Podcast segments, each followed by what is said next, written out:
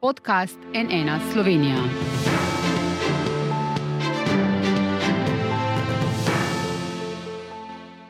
Dobr dan, to je NN studio. Že vse od sobote na nninfo.si po delih razkrivamo zgodbo, ki bi morala skrbeti vse.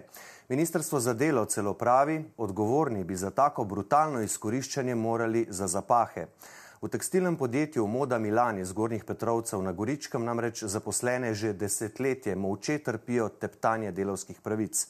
Od neizplačil sobotnih ur in onemogočanja njihovega koriščenja do onemogočanja izrabe letnega dopusta, zamud pri izplačilu plač, marčovsko še vedno čakajo, pa nadomestil za malico in prevoz na delo, celo prispevkov. Od lanskega regresa so zaposleni dobili borih 90 evrov, kaj bo z letošnjim niti pomisliti ne upajo. A po naši objavi se vendarle premika, inšpektorat za delo je vložil kazansko ovadbo, kot rečeno, tudi pristojno ministrstvo je ostro reagiralo. A država se mora odločiti, kako bo spremenila sistem, ki takšne ekscesne primere omogoča, da se podjetjem bolj splača v nedogled kršiti pravice zaposlenih in potem plačevati globe, da je to celo poslovni model da zaposleni, ker se bojijo povračilnih ukrepov, to tiho prenašajo in se nikoli ne uprejo. Da sindikalisti, ki bi to morali prijaviti, molčijo, čež da globe prepotreben denar iz podjetja le odnašajo. Spoštovana gosta, dober dan, Lidija Jerkič, predsednica Zveze svobodnih sindikatov Slovenije Evo. in Goran Lukič, delovska svetovalnica. Dober dan. Lep pozdrav. Poglejmo pa najprej izjavo zaposlenega, ki je kot edini pripravljen sicer ob zakritju bil spregovoriti za našo kamero. Z njim se je pogovarjala novinarka Manca Turk, ki je zgodbo tudi objavila. Delavci hodite na delo tudi ob sobotah, ne? Ja, Je to že od samega začetka, je to neka nova stvar, da ste tudi ob sobotah na delu? uh, ob sobotah se je delalo zmeraj, ampak dve, tri leta nazaj se pa to že vleče, da se ne izplačujejo. Prej so se izplačevale eh, normalno delovne, mislim, ure eh, kot nadure. Soboto plačana nadura, redno. Zdaj pa že se je to zadrževalo, vleklo so se ure, vlekle, vlekle. eh, Pol je, pol je rekel, da lahko koristiš, ali se da sešiti določene stvari, ampak denar je le denar. Delavec gre v soboto delati, ker rabi denar, po mojem. ne. Ste vsako soboto delali? Uh, zgodilo se je mesečno sigurno dve. Ja. In na račun teh dveh sobot, koliko dni ste bili potem prosti? Ja, nedeljo samo. Dobesedno mislim, da me nekako izkorišča, dobesedno. Ne? Ko ne dobiš tisto, kar ti pripada. Ne? Vsak hodi v službo, ne more dobiti eh, na tiste, kar ima, ko- kater ima pripada. Ne?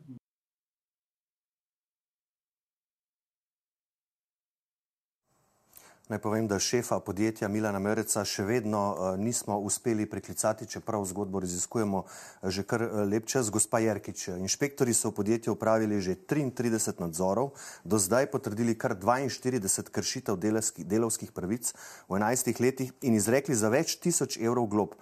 Ste vi kot predsednica Zveze svobodnih sindikatov za ta primer vedeli in koliko časa ali ste prvič za to slišali, ko smo na NN začeli poizvedovati, ne na zadnje so tudi kolegi iz Vestnika eh, v bistvu opozarjali na ta primer. Eh, Zdaj najprej uvodoma. Primeri kot je ta so bili v preteklosti mogoče precej bolj eh, pogosti. Eh, Če se spomnimo propada kupice podjetij tudi v koncih na Štajerskem, tam naprimer metalne eh, iskre, eh, litostroja. ne. Vse to je šlo nekako v tej smeri, ki eh, kot kaže se dogaja v Muri, v, v eh, Modi Milan. Modi Milan, ne tudi Mura, eh, predhodnica je bila v bistvu v isti situaciji. In to ponavljajoče se obiskovanje inšpekcije in odrejanje kazni, ja, seveda, vsake toko- toliko časa, ne smo bili v kontaktih tudi s kolegi eh, iz podjetja, zlasti sekretar, sekretarko, ki to področje pokriva in sindikatom dejavnosti, gre za sindikat eh, tekstila. Eh, tudi to, da ni bilo izplačil v uh, plače v tem mesecu in regresija, to nam je znano. Mhm. Gospod Lukič, glede na vaše izkušnje s podobnimi zgodbami v podjetjih, kaj vas je pri tej zgodbi morda najbolj presenetilo? Ja, pravzaprav več stvari. No. Če, ne, če ne drugo, recimo prejšnjo leto, približno v istem času, smo imeli zgodbo Marin Blues Leja iz Kozine, mm -hmm. kjer se je nekako zgodilo kot neke vrste veliki pok uh, v javnosti, kaj se dogaja. Zdaj pa se mi zdi, kot da je to nekako, aha, to se pa tam dogaja, nekako nekak oblak tišine je okoli tega, če tudi zdaj se v tem trenutku v medijih okoli tega pogovarjamo, ampak še vedno je občutek, kot da je to zdaj tista zgodba tam, v tistih krajih, ki so pač malce manjši kraji, ko niso pač nekako nekako obljudeni javno in to je tista lokalna zgodba.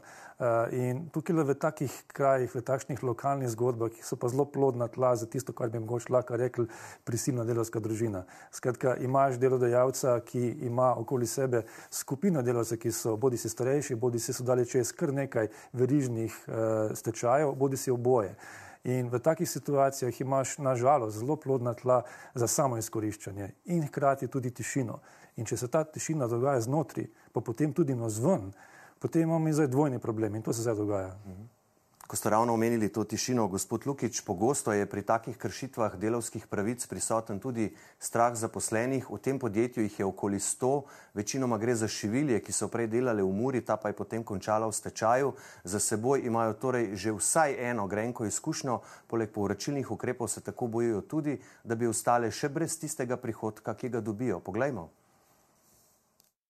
Ves čas poslušam, strah, kako, je, kako je delavce strah.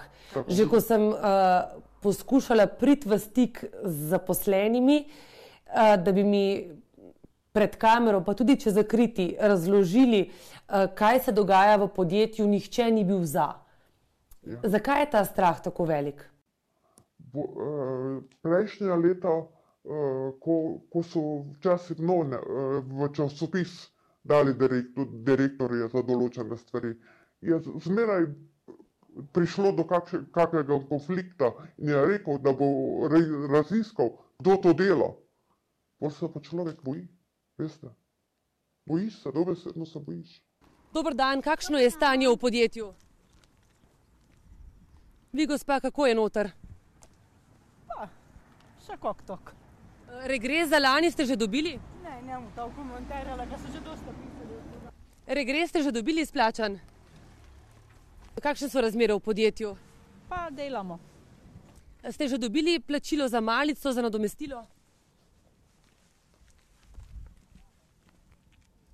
Dobar dan. Dobar dan. Kakšne so razmere v podjetju? Oh, to morate pitati, notri je šefe, to je prvo, razmere so pa gline najboljše. Ja. Kaj to pomeni? Uh, ne vem, pravi, morate pitati šefa. Regres ste že dobili za lani? Lansko ga ne.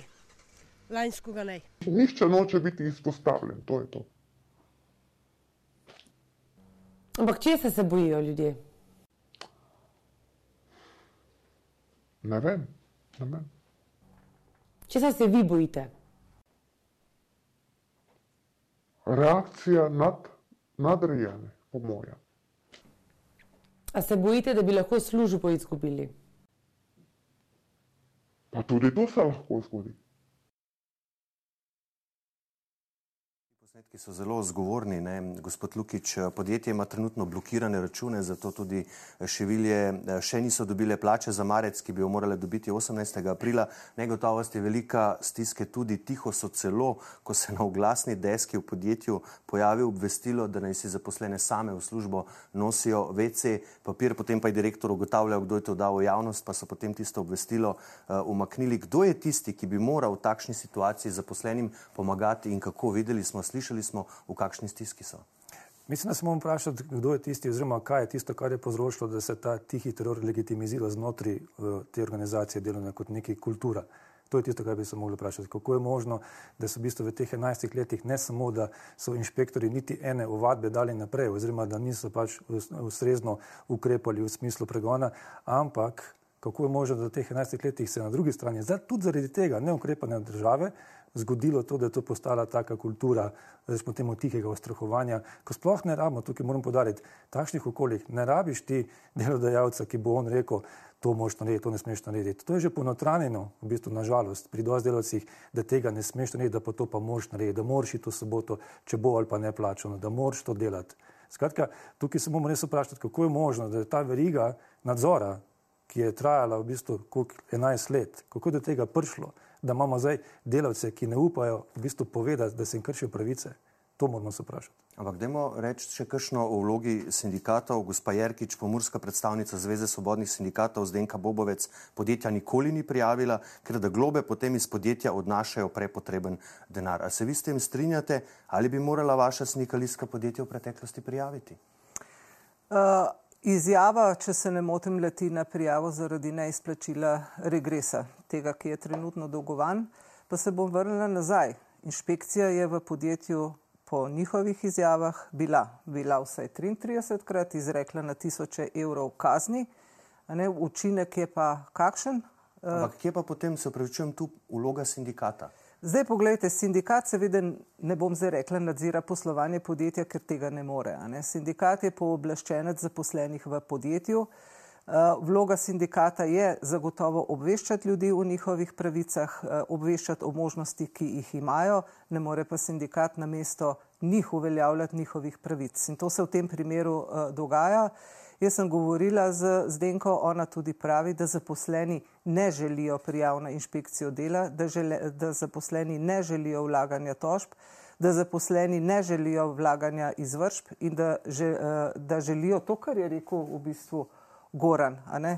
Pa je lahko nenavadno, ampak pustite nas primeru, da lahko pridemo s takim delom do uh, penzije. Uh, Zdaj pa nekaj. Eh, celoten sistem, pa mislim, da lahko problematiko podjetja razširimo ne samo na uh, konkreten primer.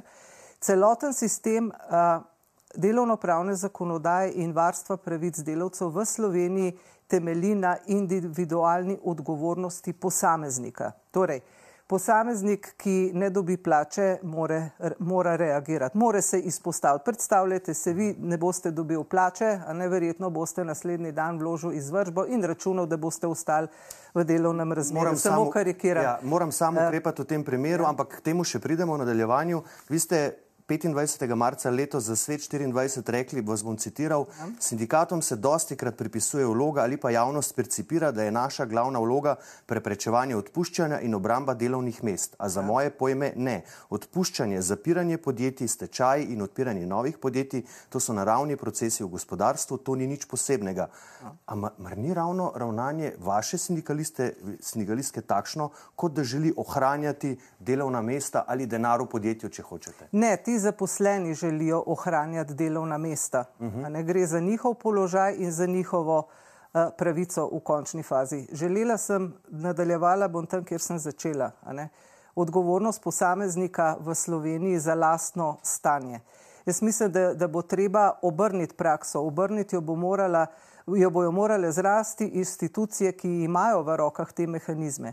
To, da inšpekcija zdaj ugotavlja, da ni storila ničesar, je samo potrditev uh, tega, kar se je v praksi dogajalo.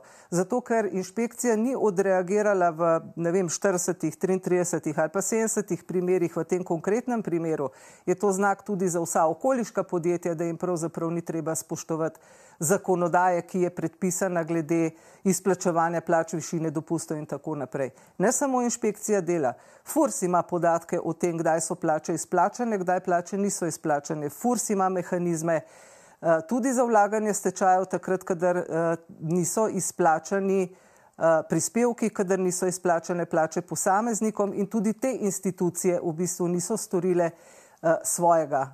Jaz tudi nisem slišala nobenega predstavnika gospodarske zbornice, ki bi razlagal v tem trenutku, kako njihova uh, podjetja poslujejo, jih pa vedno poslušam na drugi strani, ne, ko se bodo pohvalili z velikimi dobički in božičnicami. Skratka, To, da se zdaj skuša uh, posamezniku v podjetju skoraj da, da naprtiti krivdo, ne, da ni dovolj odgovoren za uh, to, da bi tako podjetje in to podjetje bo šlo po tej poti zagotovo v stečaj, a ne je mislim, da, da nekoliko uh, preveč. Gospod Lukič, vaše mnenje o tem, kakšna bi tu morala biti vloga sindikata v podjetju, njegov predsednik tega sindikata, da nimo z nami sploh ni želel govoriti. A je to bežanje od odgovornosti?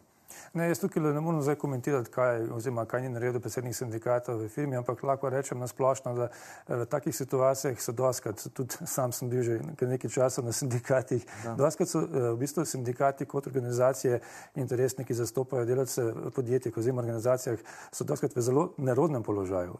Zaradi tega, ker je, imajo po eni strani še posebej takih primerih seveda svoj žarometo, če tako rečemo, da kje ste bili, po drugi strani pa je eh, seveda tudi vprašanje želje, pa to ne govorimo zdaj recimo o pravi besedi, ampak o tem, kaj si po narekovaj upajo delavke in delavci, da grejo naprej. In zdaj, kje je tukaj sindikat, kje je tukaj sindikalistka oziroma sindikalist? Ali bo šel sam naprej, ali bo šel sam naprej vlagati tožbe, ali bo šel sam naprej stečajo vlagati. In je tukaj med kladivim in nakovalom. Zagotovo ve, v bistvu seveda, da se dogajajo krivice, ker ga temu obveščajo, hkrati ga pa obveščajo, da je prosim ne iti predaleč in potem ima to breme na sebi. Tudi, tudi nam se to dogaja na delski svetovalnici. Jo, veš, kaj se mi tam dogaja, kakšne kršitve imam, pa ne plačuje plač, ampak daj, počakaj. Mhm. Počakaj nekaj časa, ampak dokdaj?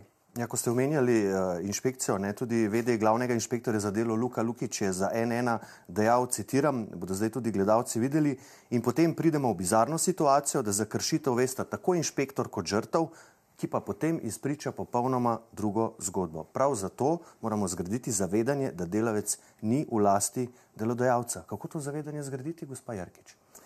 Ja, tole, tole je izjava, ki je lahko zelo dolgoročna stvar uh, vzgoje. Ne, v Sloveniji, kot se rekla, tole ni uh, edini primer in v Sloveniji smo se srečevali z neizplačevanjem plač šest mesecev in več, pa delovci niso bili pripravljeni uh, pravzaprav narediti koraka. Nedavno nazaj smo imeli tako podjetje v Mariboru, če se spomnite, neko so delovke potem celo hodile v Avstrijo na lastne stroške delati, zato ker so verjele, da bodo še vedno ohranile zaposlitev. Jaz mislim, da ni odgovor v vzgoji posameznika. Morda so tudi mlajše generacije uh, drugačne, ne? mlajše generacije ne počakajo, da, je, da pride do neizplačila plače, niso zadovoljni, se preselijo drugam. Zdaj le v Sloveniji tudi situacija, ko se to celo lahko dela, ne, ker je služb zaenkrat relativno dovolj. Ampak ta okolica, o kateri govorimo, ni taka in te delovke niso take. Nazaj v sistem je treba pogledati, ki omogoča, da prihaja do neizplačila plač, a ne pa še enkrat, tukaj gre za trenutno za eno plačo, kaj hitro se seveda lahko zgodi, da bosta dve, tri ampak da tudi, ko pride do 15 izplačil, še vedno ne odreagira sistem, ne prepove dela takemu delodajalcu, ne prepove odpiranja novega podjetja takemu ali podobnemu eh, delodajalcu, ga ne kaznuje, mu ne pobere premoženja. Skratka, vse, kar se na koncu zgodi, in to mi bo tudi Goran potrdil, ljudje na koncu ostanejo brez zaposlitve na Zavodu za zaposlovanje, tisti, ki je pa za to kriv, pa ustanovi novo podjetje in zaposli druge delovce. In to je napaka v sistemu, ne nekje uh, druge. Uh, ko bodo pa posamezniki seveda toliko uh, ozaveščeni, da se bodo uh, upali potegniti sami za svoje pravice oziroma prvi dan, ko se bo to dogajalo, dati delodajalcu rdeči karton, ne, potem pa bo na tem svetu mnogo lepše. Ampak jaz ne poznam države, kjer bi se to uh, dogajalo, niti ne poznam sindikatov, ki bi znali to rešiti. Gospod Lukič. Ja, mislim, zdaj, na se zadnje moramo vprašati, eh, v kolikšnem obsegu in kje vse se to dogaja. Uh, jaz se s vami spomnim zgodbe izpred nekaj časa, ko smo opozorjali na delske svetovalnice, kako kršenja agencijskih, pravic agencijskih delavcev v podjetju Inkom. Uh, in kaj se je zgodilo? Prva, recimo, temu obrambna linija tega podjetja, veste, kdo so bili zaposleni. Mm. Oni so se v bistvu javili, češ da napadamo imič njihovega podjetja. Teda niso tukaj zadeve enoznačne. In še enkrat podarjam, eh, ni sam stvar, da je to neko zaprto lokalno okolje, hermetično, v katerem potem takšno lokalni delodajalec, eh, takšne delovce, ki so recimo, kot sem rekel, dal čez eh, tudi po več tečajev in imajo takšen emšo izkorišča. Na vse zadnje, tudi sam se recimo razkrat pogovarjam z delavci v medijih ogromno izkoriščenja. Kdo se izpostavi? Zelo malo. Mm. Tako da tukaj eh, pogledamo generalno vprašanje, zakaj imamo situacije, v katerih se delavci ne izpostavljajo in preventivno ne grejo naprej napram delodajalcu, ker potem delodajalci bili sami tisti, ki bi se mogli v bistvu prevzgojiti, če tako rečemo. Zdaj bomo pogledali še izjavo pristojnega ministrstva za delo. Državni sekretar Dan Juvan je bil izjemno ostro do takih praks, spraševal se je prav tako, kje je bil teh 11 let inšpektorat za delo in uložitev ovadbe, ki se je zgodila danes, pozdravlja. Če, če vse to res, kar trdite v vašem prispevku in tudi, če se vse to potrdi, kar smo tudi mi preko inšpektorata zvedeli, koliko je bilo teh nadzorov, mislim, da tako podjetje ena ne bi smelo obstajati, bi se mogli dol zapreti in uh, odgovorni za tako brutalno skoriščenje bi mogli uh, iti za zapahe. Uh, kar je tudi določba kazenskega zakonika in v tem smislu tudi podpiram oziroma pozdravljam kazensko ovadbo zopr kršitev temeljnih pravic delavcev. Se vam zdi ta kazenska ovadba prepozna? Prepozno, ne vem. Um, vem samo to, da ta primer potrjuje neki, ne, da imamo v Sloveniji nekatere firme, ki delujejo po poslovnem modelu, plačaj globe, pojdi naprej ne, in kjer je strošek glob že ukalkuliran v, v letne bilance na ta način. Ne. Mislim, da je tukaj problem. Ne. Uh, zdaj, kaj inšpektorat delu 11 let na robe, verjetno tako velik. Um, mislim, da inšpektorat mora pokazati zobe in uh, take primere v javnosti dobro predstaviti in tudi ostalim delodajalcem sporočiti, da se z inšpektoratom ni zahecati. Tako na prvo oko, pa na prva poročila z tega primera vidim, da je morda tukaj um, poostren inšpekcijski nadzor, uh, javno obelodanjenje kršiteljev. Um, In, in to, to mislim, težko na pamet rečem, če bi, vem, višja globa pomagala. Jaz sicer osebno jo zagovarjam, uh, je pa tukaj treba biti tudi primerljiv z ostalimi zakoni, z Evropsko unijo in tako naprej. Uh, tukaj res mislim, da je inšpekcijski nadzor tisti, ki bi mogel to že prej preprečiti. In me zanima tudi, zakaj ni. Ja, to nas v bistvu vse zanima, ampak kot rečeno, ovadba je zdaj uložena. Gospod Lukič, strani inšpektorata zaradi kršenja temeljnih delovskih pravic, a bi kaj spremenilo, če bi bila vložena recimo že kdaj prej?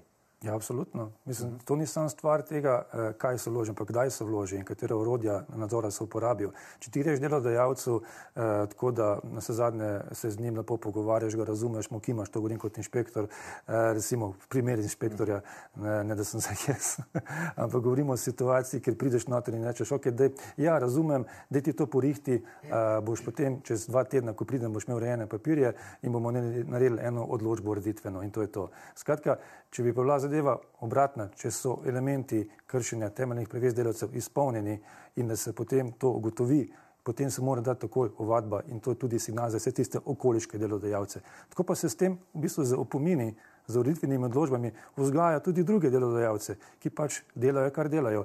In še ena stvar je, tukaj je lokalno okolje še enkrat. Uh, in doskrat moram pač povedati, je v lokalnem okolju ne samo povezava gospodarstvenikov, ampak je tudi povezava teh istih gospodarstvenikov z lokalnim okoljem v smislu institucij. Uh -huh. To so ljudje, ki se poznajo. In v bistvu je verjamem, da strah teh delavcev tudi, eh, recimo, strah pri vprašanju, eh, pa, ko, koga pa vse ta pozna direktor. Mogoče pozna tudi inšpektorja. Mogoče, če jaz govorim z inšpektorjem, bo potem inšpektor povedal temu direktorju, da jaz ne govorim z njim. Tako da lokalno okolje pomeni tudi to, v, kako je v to upet tudi inšpektor. Tako da treba tukaj tudi razčistiti uh, vlogo inšpektorja v smislu objektivnega nadzora. Ne samo tega, da prideš tja, pogledaš, daš kljukco, pa greš potem pa rečeš, sem opravil nadzor. Ovadbo, čeprav prihaja pozno, najbrž pozdravljate, gospa Jerkič. Ja, ja uh, absolutno. Uh, sem, si, sem se pa spomnila vmes, kako zelo nezaželeno je bilo popravljanje kazenskega zakonika -huh. nedolgo nazaj. Uh, Eh, namreč ovadba sama po sebi ne bo rešila ničesar, to verjetno vemo. Uh, treba bo uh, dokazati v ovadbi, da je bilo to dejanje storjeno, naklepno. če že ne naklepno, pa vsaj iz velike malomarnosti. Uh -huh. In tukaj vem, da v preteklosti so imela in tožilstva, Eh, in sodišča velike težave. Je sicer nekaj primerov, kjer je bil delodajalec za to obsojen, ampak ne veliko. Tukaj imamo seveda časovni kontekst, ne, kar pomeni, ta ovadba ne bo rešena v roku eh, enega meseca ali dveh. Treba je vedeti v nadaljevanju, da taka ovadba povzroči nezaupanje v podjetje, ne, kar bo dodatno povzročilo verjetno še kakšno neizplačilo. Uh, pa še enkrat, ne, uh, me bo zelo veselilo, če bo inšpekcija začela postopati bolj natančno, če bo tudi zaprla kakšno podjetje. Tudi to ne vem, če se je že kdaj razen v Marine Blueju zgodil začasno, samo pa še tukaj nisem prepričana. Ampak tudi inšpektori se vedno znova znajdejo v isti dilemi. In kaj sedaj? Lahko zaprem, ampak to pomeni, da sem vem, 100, 200, 300, 800 delavcev poslal domov in na zavod. Tudi inšpektori si niso upali tega uh, dela do zdaj. Sem pa prepričana, da so te pravočasne aktivnosti boljše kot uh, potem. Uh, nam zdaj rekla, vlačenje ne, po dolgem, pa počes ali pa brcanje mrtvih konjev, a ne na koncu, kar od teh podjetij ostane. Um, nekatere države imajo mehanizem po mesecu ali dveh neizplačil, eh, neizplačil plač, pride avtomatično do sprožitve stečajev, zato da se te agonije preprečijo, ali pa imajo mehanizme pomoči takim podjetjem. Dajmo dopustiti možnost, ne vem, če v tem konkretnem primeru poznam premalo, da obstajajo tudi podjetja, ki imajo zgolj začasne težave. Ne, če, se, ne vem, če je bil uh, izključni trg uh, Ukrajina, pa se tam zgodi vojna, potem bomo takmo delodajalcu verjetno težko obesili krivdo, da ni izplačal plač, hipotetično. Ne. Skratka, na eni strani zelo ostre mehanizme za to, da se prepreči tako ravnanje, na drugi strani pa tudi mehanizme za pomoč, za premustitev mogoče meseca ali dveh, tudi na tem področju, ne vem, če smo v Sloveniji zelo uh, inovativni. Zdaj, državni sekretar Juvan ni prepričan, ali bi više globe uh, zalegle po vaše bi? Če ni denarja na računu, potem nobena globa ne zaleže. Mhm. To je moje osebno prepričanje. Uh, Poleg tega vem, da inšpekcija izreka veliko število glob, da pa tudi velikega števila glob sploh ne izterja. Uh. -huh. bili so podatki uh, pred časom, mislim, da dve ali tri leta nazaj, o treh milijonih izrečenih glob inšpekcije na letni ravni, od tega je bil milijon izterjan, dva milijona pa ne. ne. Kakšen učinek ima tisti dva milijona evrov glob, ne vem. Vem pa, da če bi bil izterjan, bi pokril finančno poslovanje inšpekcije kot take. Naj spomnim, da inšpektorjev je še vedno samo 60, kljub temu, da že 10, 15, 20 let govorimo, da je nadzora premalo, jih je kvečemu kakšen manj, ne pa kakšen več. Ja, tu menda ministrstvo tudi neke kadrovske ukrepitve načrtuje. Ja, mogoče je moglo stoniti podjetje, ko je lažje. Bomo, bomo videli, uh, gospod Lukič, kaj pravite vi na više globe, na poostrene inšpekcijske nadzore, na javno objavo kršiteljev, kar tudi omenja državni sekretar. Mislim, če gremo zdaj po obratnem vrstom redu, javna objava kršiteljev je že bila. Mm -hmm. Javna objava kršiteljev se je potem spremenila v en eh, tak tihi zavihek na spletni strani Zavoda za zaposlovanje, kjer moraš unesti eh, pravzaprav davčno ali pa matično številko podjetja. In mm -hmm. to je zelo skrit del evidence Zavoda za zaposlovanje. Včasih je bilo to, da si kliknil in se je v bistvu seznam odprl in si pogledal, ali je to podjetje na seznamu ali ne.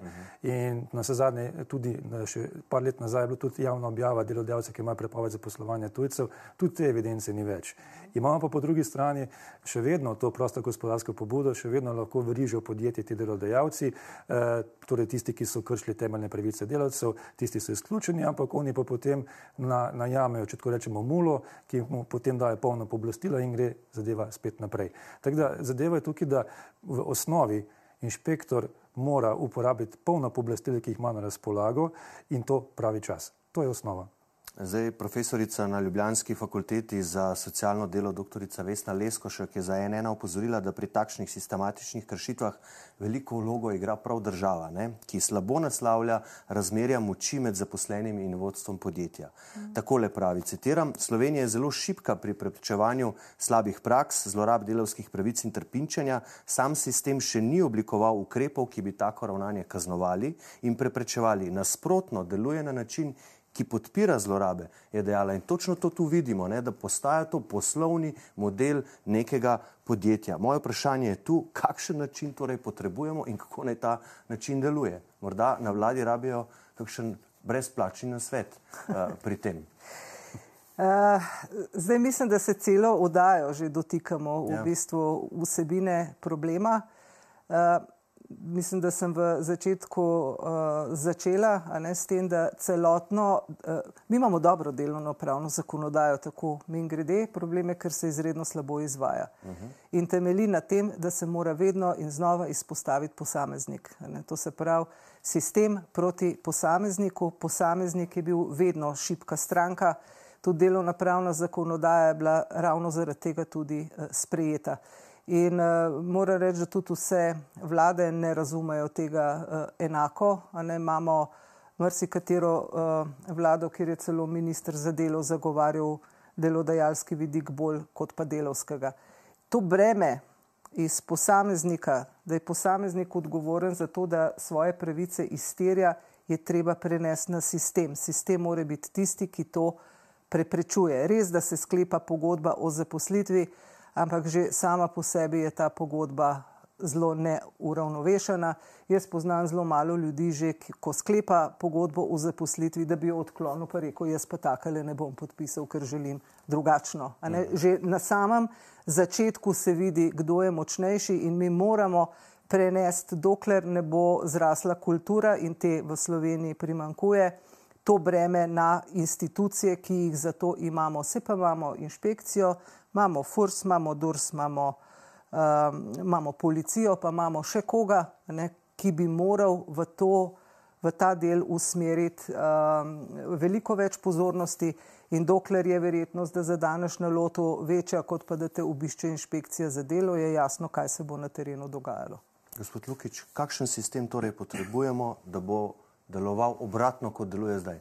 Potrebujemo sistem, ki bo dal rezultate. Torej, jaz se popolnoma strinjam eh, z Lidijo, ko pravi, da je treba dati to breme na sistem, ampak ta sistem mora biti seveda tudi učinkovit pri pregonu in na koncu, kar je najbolj pomembno, mora dati takšen rezultat, ki bo dal jasen signal delodajalcem, da se ne splača kršiti oziroma da se ne sme in jasen signal delovcem, da v primeru, če se dogajajo kršitve, da ga bo sistem oroval. In to je tisto, kar recimo tudi dva delavca, ki k nam prihaja, mi gremo v bistvu potem uh, na tožilstvo, mi gremo na sodišče, ampak potem kolesje gre svojo pot. To traja potem lahko leta in leta. In imamo nažalost tudi delodajalce, ki se tega aktivno zavedajo in rečejo, med stotimi delavci rečejo, pač, lej, ne bom plačal regresa, tisti, ki pač bo šel v sodno kolesje, naj se pripravi na dolgo bitko, jaz imam odvetnike, ti jih nimaš. In v bistvu zato pravim, sistem definitivno mora tukaj se postaviti na stran šipkejše strani, torej delavca in definitivno mora, mora pokazati rezultate. Ne pa zdaj tisto, kar recimo ena ki podarim, je to, da eh, ko inšpektor izda recimo globo. Veste, koliko glob se potem da v sodno varstvo strani delodajalcev? Delodajalci potem grejo v sodno varstvo sebe napram globi, ki jo izda inšpektor in veste, koliko v primerih potem pade ta globa in se spremeni na podlagi odrebe sodišča v opomin. Samo v primeru, recimo, eh, Mariborskega inšpektorata je rekel, vodje Mariborske enote v 80% nam spremenijo globe v opomin. Kakšen je to signal sistema? Mhm. Zdaj, eh, po aferi Marin Blue, kjer je bila že vložena obtožnica zaradi kršenja ja. temeljnih delovskih pravic, je zdaj državni zbor sprejel zakon o evidentiranju delovnega časa, kako se bomo po novem štempljali. Če rečem po domače, v tem ste na ekonomsko-socialnem svetu v bistvu že tri leta nazaj, če se prav spomnim, prišli zelo daleč, se praktično uskladili, ampak delodajalci so zdaj šli v zrak. To je neizvedljivo, pravijo, kdo bo to beležil, se sprašujejo, ali lahko ta poostritev, da je treba čas prihoda in odhoda na delo določiti točno, kdaj se gre na malico, vse to bo to pripomoglo, da bo takšnih kršitev, o katerih se pogovarjamo danes, manj, gospa Jerkič. Morda. Uh, ambicija sindikatov je bila v primeru tega zakona bistveno večja.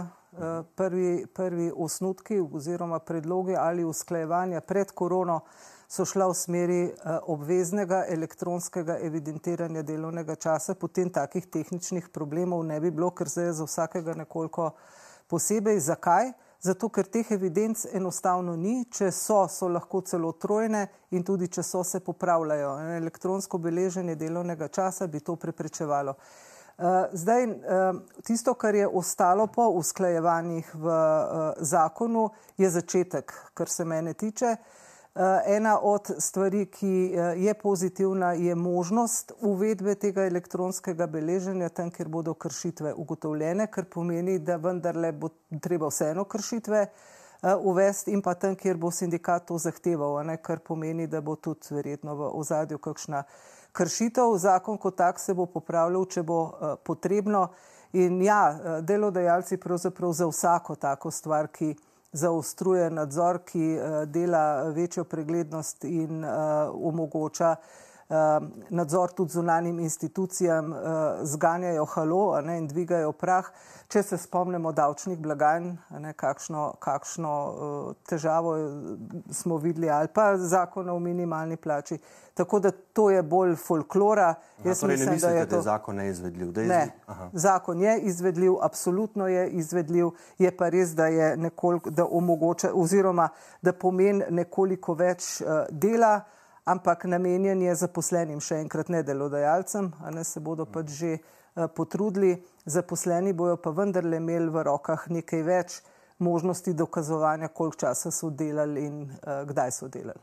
Gospod Lukič, bi tak zakon, kot zdaj velja, preprečil zgodbo Marin Blue, pri kateri ste bili zelo vključeni, bom rekel, na katero ste zelo Če prvo odgovorim na to vprašanje okoli ja. zakona o evidentiranju delovnega časa, vse tako na štempljanje je že. Mm. In to, kar govorijo delodajalci, to v bistvu meni sploh ni jasno, ker so si oni to sami naprtli, eh, te dodatne bremenitve. Recimo, ne vem, ko greš, eh, ne vem, primerno sem dal, ne samo Danska, se pogovarjaš s kakšnim delodajalcem na Danskem, ni normalno, da je delovnik 8 ur. Če imaš pa takšno delovno okolje, kot je v Sloveniji, ko intenzivno dela, pa ekstenzivno dela, normalno, da gre preko 8 ur. Ja, kaj potem, ko delodajalec pričakuješ? Mislim, če je bilo normalno delovno okolje, normalna delovna kultura, potem se mi ne pogovarjali o tem, da delodajalci kričijo o dodatnih obremenitvah. To niso dodatne obremenitve, to je posledica slabih praks, ki jo ti delodajalci ustvarjajo. In to je posledica tega, da inšpektori niso imeli ustreznega urodja, da, da to naslovijo. Kaj se pa tiče Marin Blue, pa se le, bom pa zelo vesel, da se ta zadeva ne bo končala leta 2027 in da se, pa recimo, da se bo končala 2027 z kakšnimi razvodenilnimi ukrepi, ampak da se bo čim prej zaključila. Tudi na podlagi tega, recimo, ko smo uh, vsi videli, kakšni so bili tam pogoji, tudi delovnega časa. Ja, gremo v sklepni del, prihaja 1. maj, pa drugi, seveda. Eh, tudi letos boste, gospa Jerkič, na predvečer praznika na Rožniku. Eh, vaša letošnja čestitka v prazniku pravi takole: noben družbeni red do sedaj ni bil pravičen, vsakici stojijo na sproti močni, privilegirani posamezniki ali skupine z veliko kapitala na eni strani in velika množica odvisnih, revnih posameznikov z malo ali nič pravicami. Pogosto prvi stojijo nad drugimi. Ali pri tej razkriti zgodbi kateri danes govorimo, govorimo točno o tem in kakšno bo v bistvu vaše glavno sporočilo uh, v nagovoru ob letošnjem prazniku. Ja, točno o tem smo govorili celo uh, oddajo. Uh, ni nobena skrivnost in vsi vemo, ne, da je denar sveta vladar in v, v teh relacijah delavci, delodajalci je ta zgodba vedno enaka. Zdaj morda, glede na statistike, se zdi, ne, da imamo v Sloveniji v tem trenutku bolj ugodno uh, situacijo, majhno brezposelnost, veliko zaposlenost. Tudi uh, jaz upam, da se pogovarjamo o izjemah in ne o pravilih ne, v, v takih situacijah in prav je, da se pogovarjamo, da bi bilo teh izjem čim manj, ampak situacija se lahko zelo hitro uh, obrne. In morda je situacija, kot jo imamo zdaj, nek higijenski minimum, ni pa vse v plačilih in v delovnem razmerju za nedoločen čas. To je šele začetek za nadgradnjo vsega ostalega, a ne tako za varno zaposlitve, za varno in uh, zdravo delo, za možnost napredovanja, izobraževanja, boljše usklajevanje, če hočete, družinskega življenja in poklicnega, ne, krajši delovni čas in tako naprej. Tako da vsa izboljšanja morda v zadnjih 120 letih, ker imamo to industrijsko revolucijo ali pa bolj razvite odnose kapital in delo, sicer kažejo v smeri eh, izboljševanja položaja eh, zaposlenih ampak daleč od tega, da bi bili s tem zadovoljni. In svet je konec koncev ne samo Slovenija. Morda v Sloveniji nismo najslabši, zagotovo nismo najboljši, so pa še predeli sveta, ne, kjer pa je to stanje uh, zelo na začetku. Več pa seveda v vašem govoru na Rožniku. Gospod Lukič, kaj pa je po vaše glavno sporočilo letošnjega praznika dela slovenskim delovkam in delavcem in kakšno sporočilo morda ob tem pošiljate tudi vladi, ki je glavni fokus zdaj usmerila v področje zdravstva, ostale reforme pa, če bodo, bodo, če pa ne, pa ne. Mislim, bomo tukaj le čisti iskreni, kot smo lahko, včasih se mi zdi, kot da se te reforme diktirajo predvsem uh, rejtingi. Eh, da na, na neki točki rečejo, da bomo mi za to ven potegnili, pa bomo nekaj časa se pogovarjali o zdravstveni reformi, potem pa pač bomo malo potihnili, pa bomo nekaj druga. Uh, mislim, da tukaj imamo malo večji problem. Mi imamo problem, ko je uh, dosti delovk in delovcev se nekako, uh, pa rekel kar direktno, privadlo, ne navadlo, privadlo v, v bistvu uh, izkoriščanje na delovnem mestu. In to moramo razbiti. To moramo razbiti, to pozicijo moči teh delodajalcev, ki pravzaprav, eh, kot sem že prej na začetku rekel, sploh ne rabijo kaj povedati, zaradi tega, ker je že vse skupaj naprej sprogramirano. In tukaj je naloga države, da vstopi noter in reče, takšne delodajalce pa mi ne rabimo.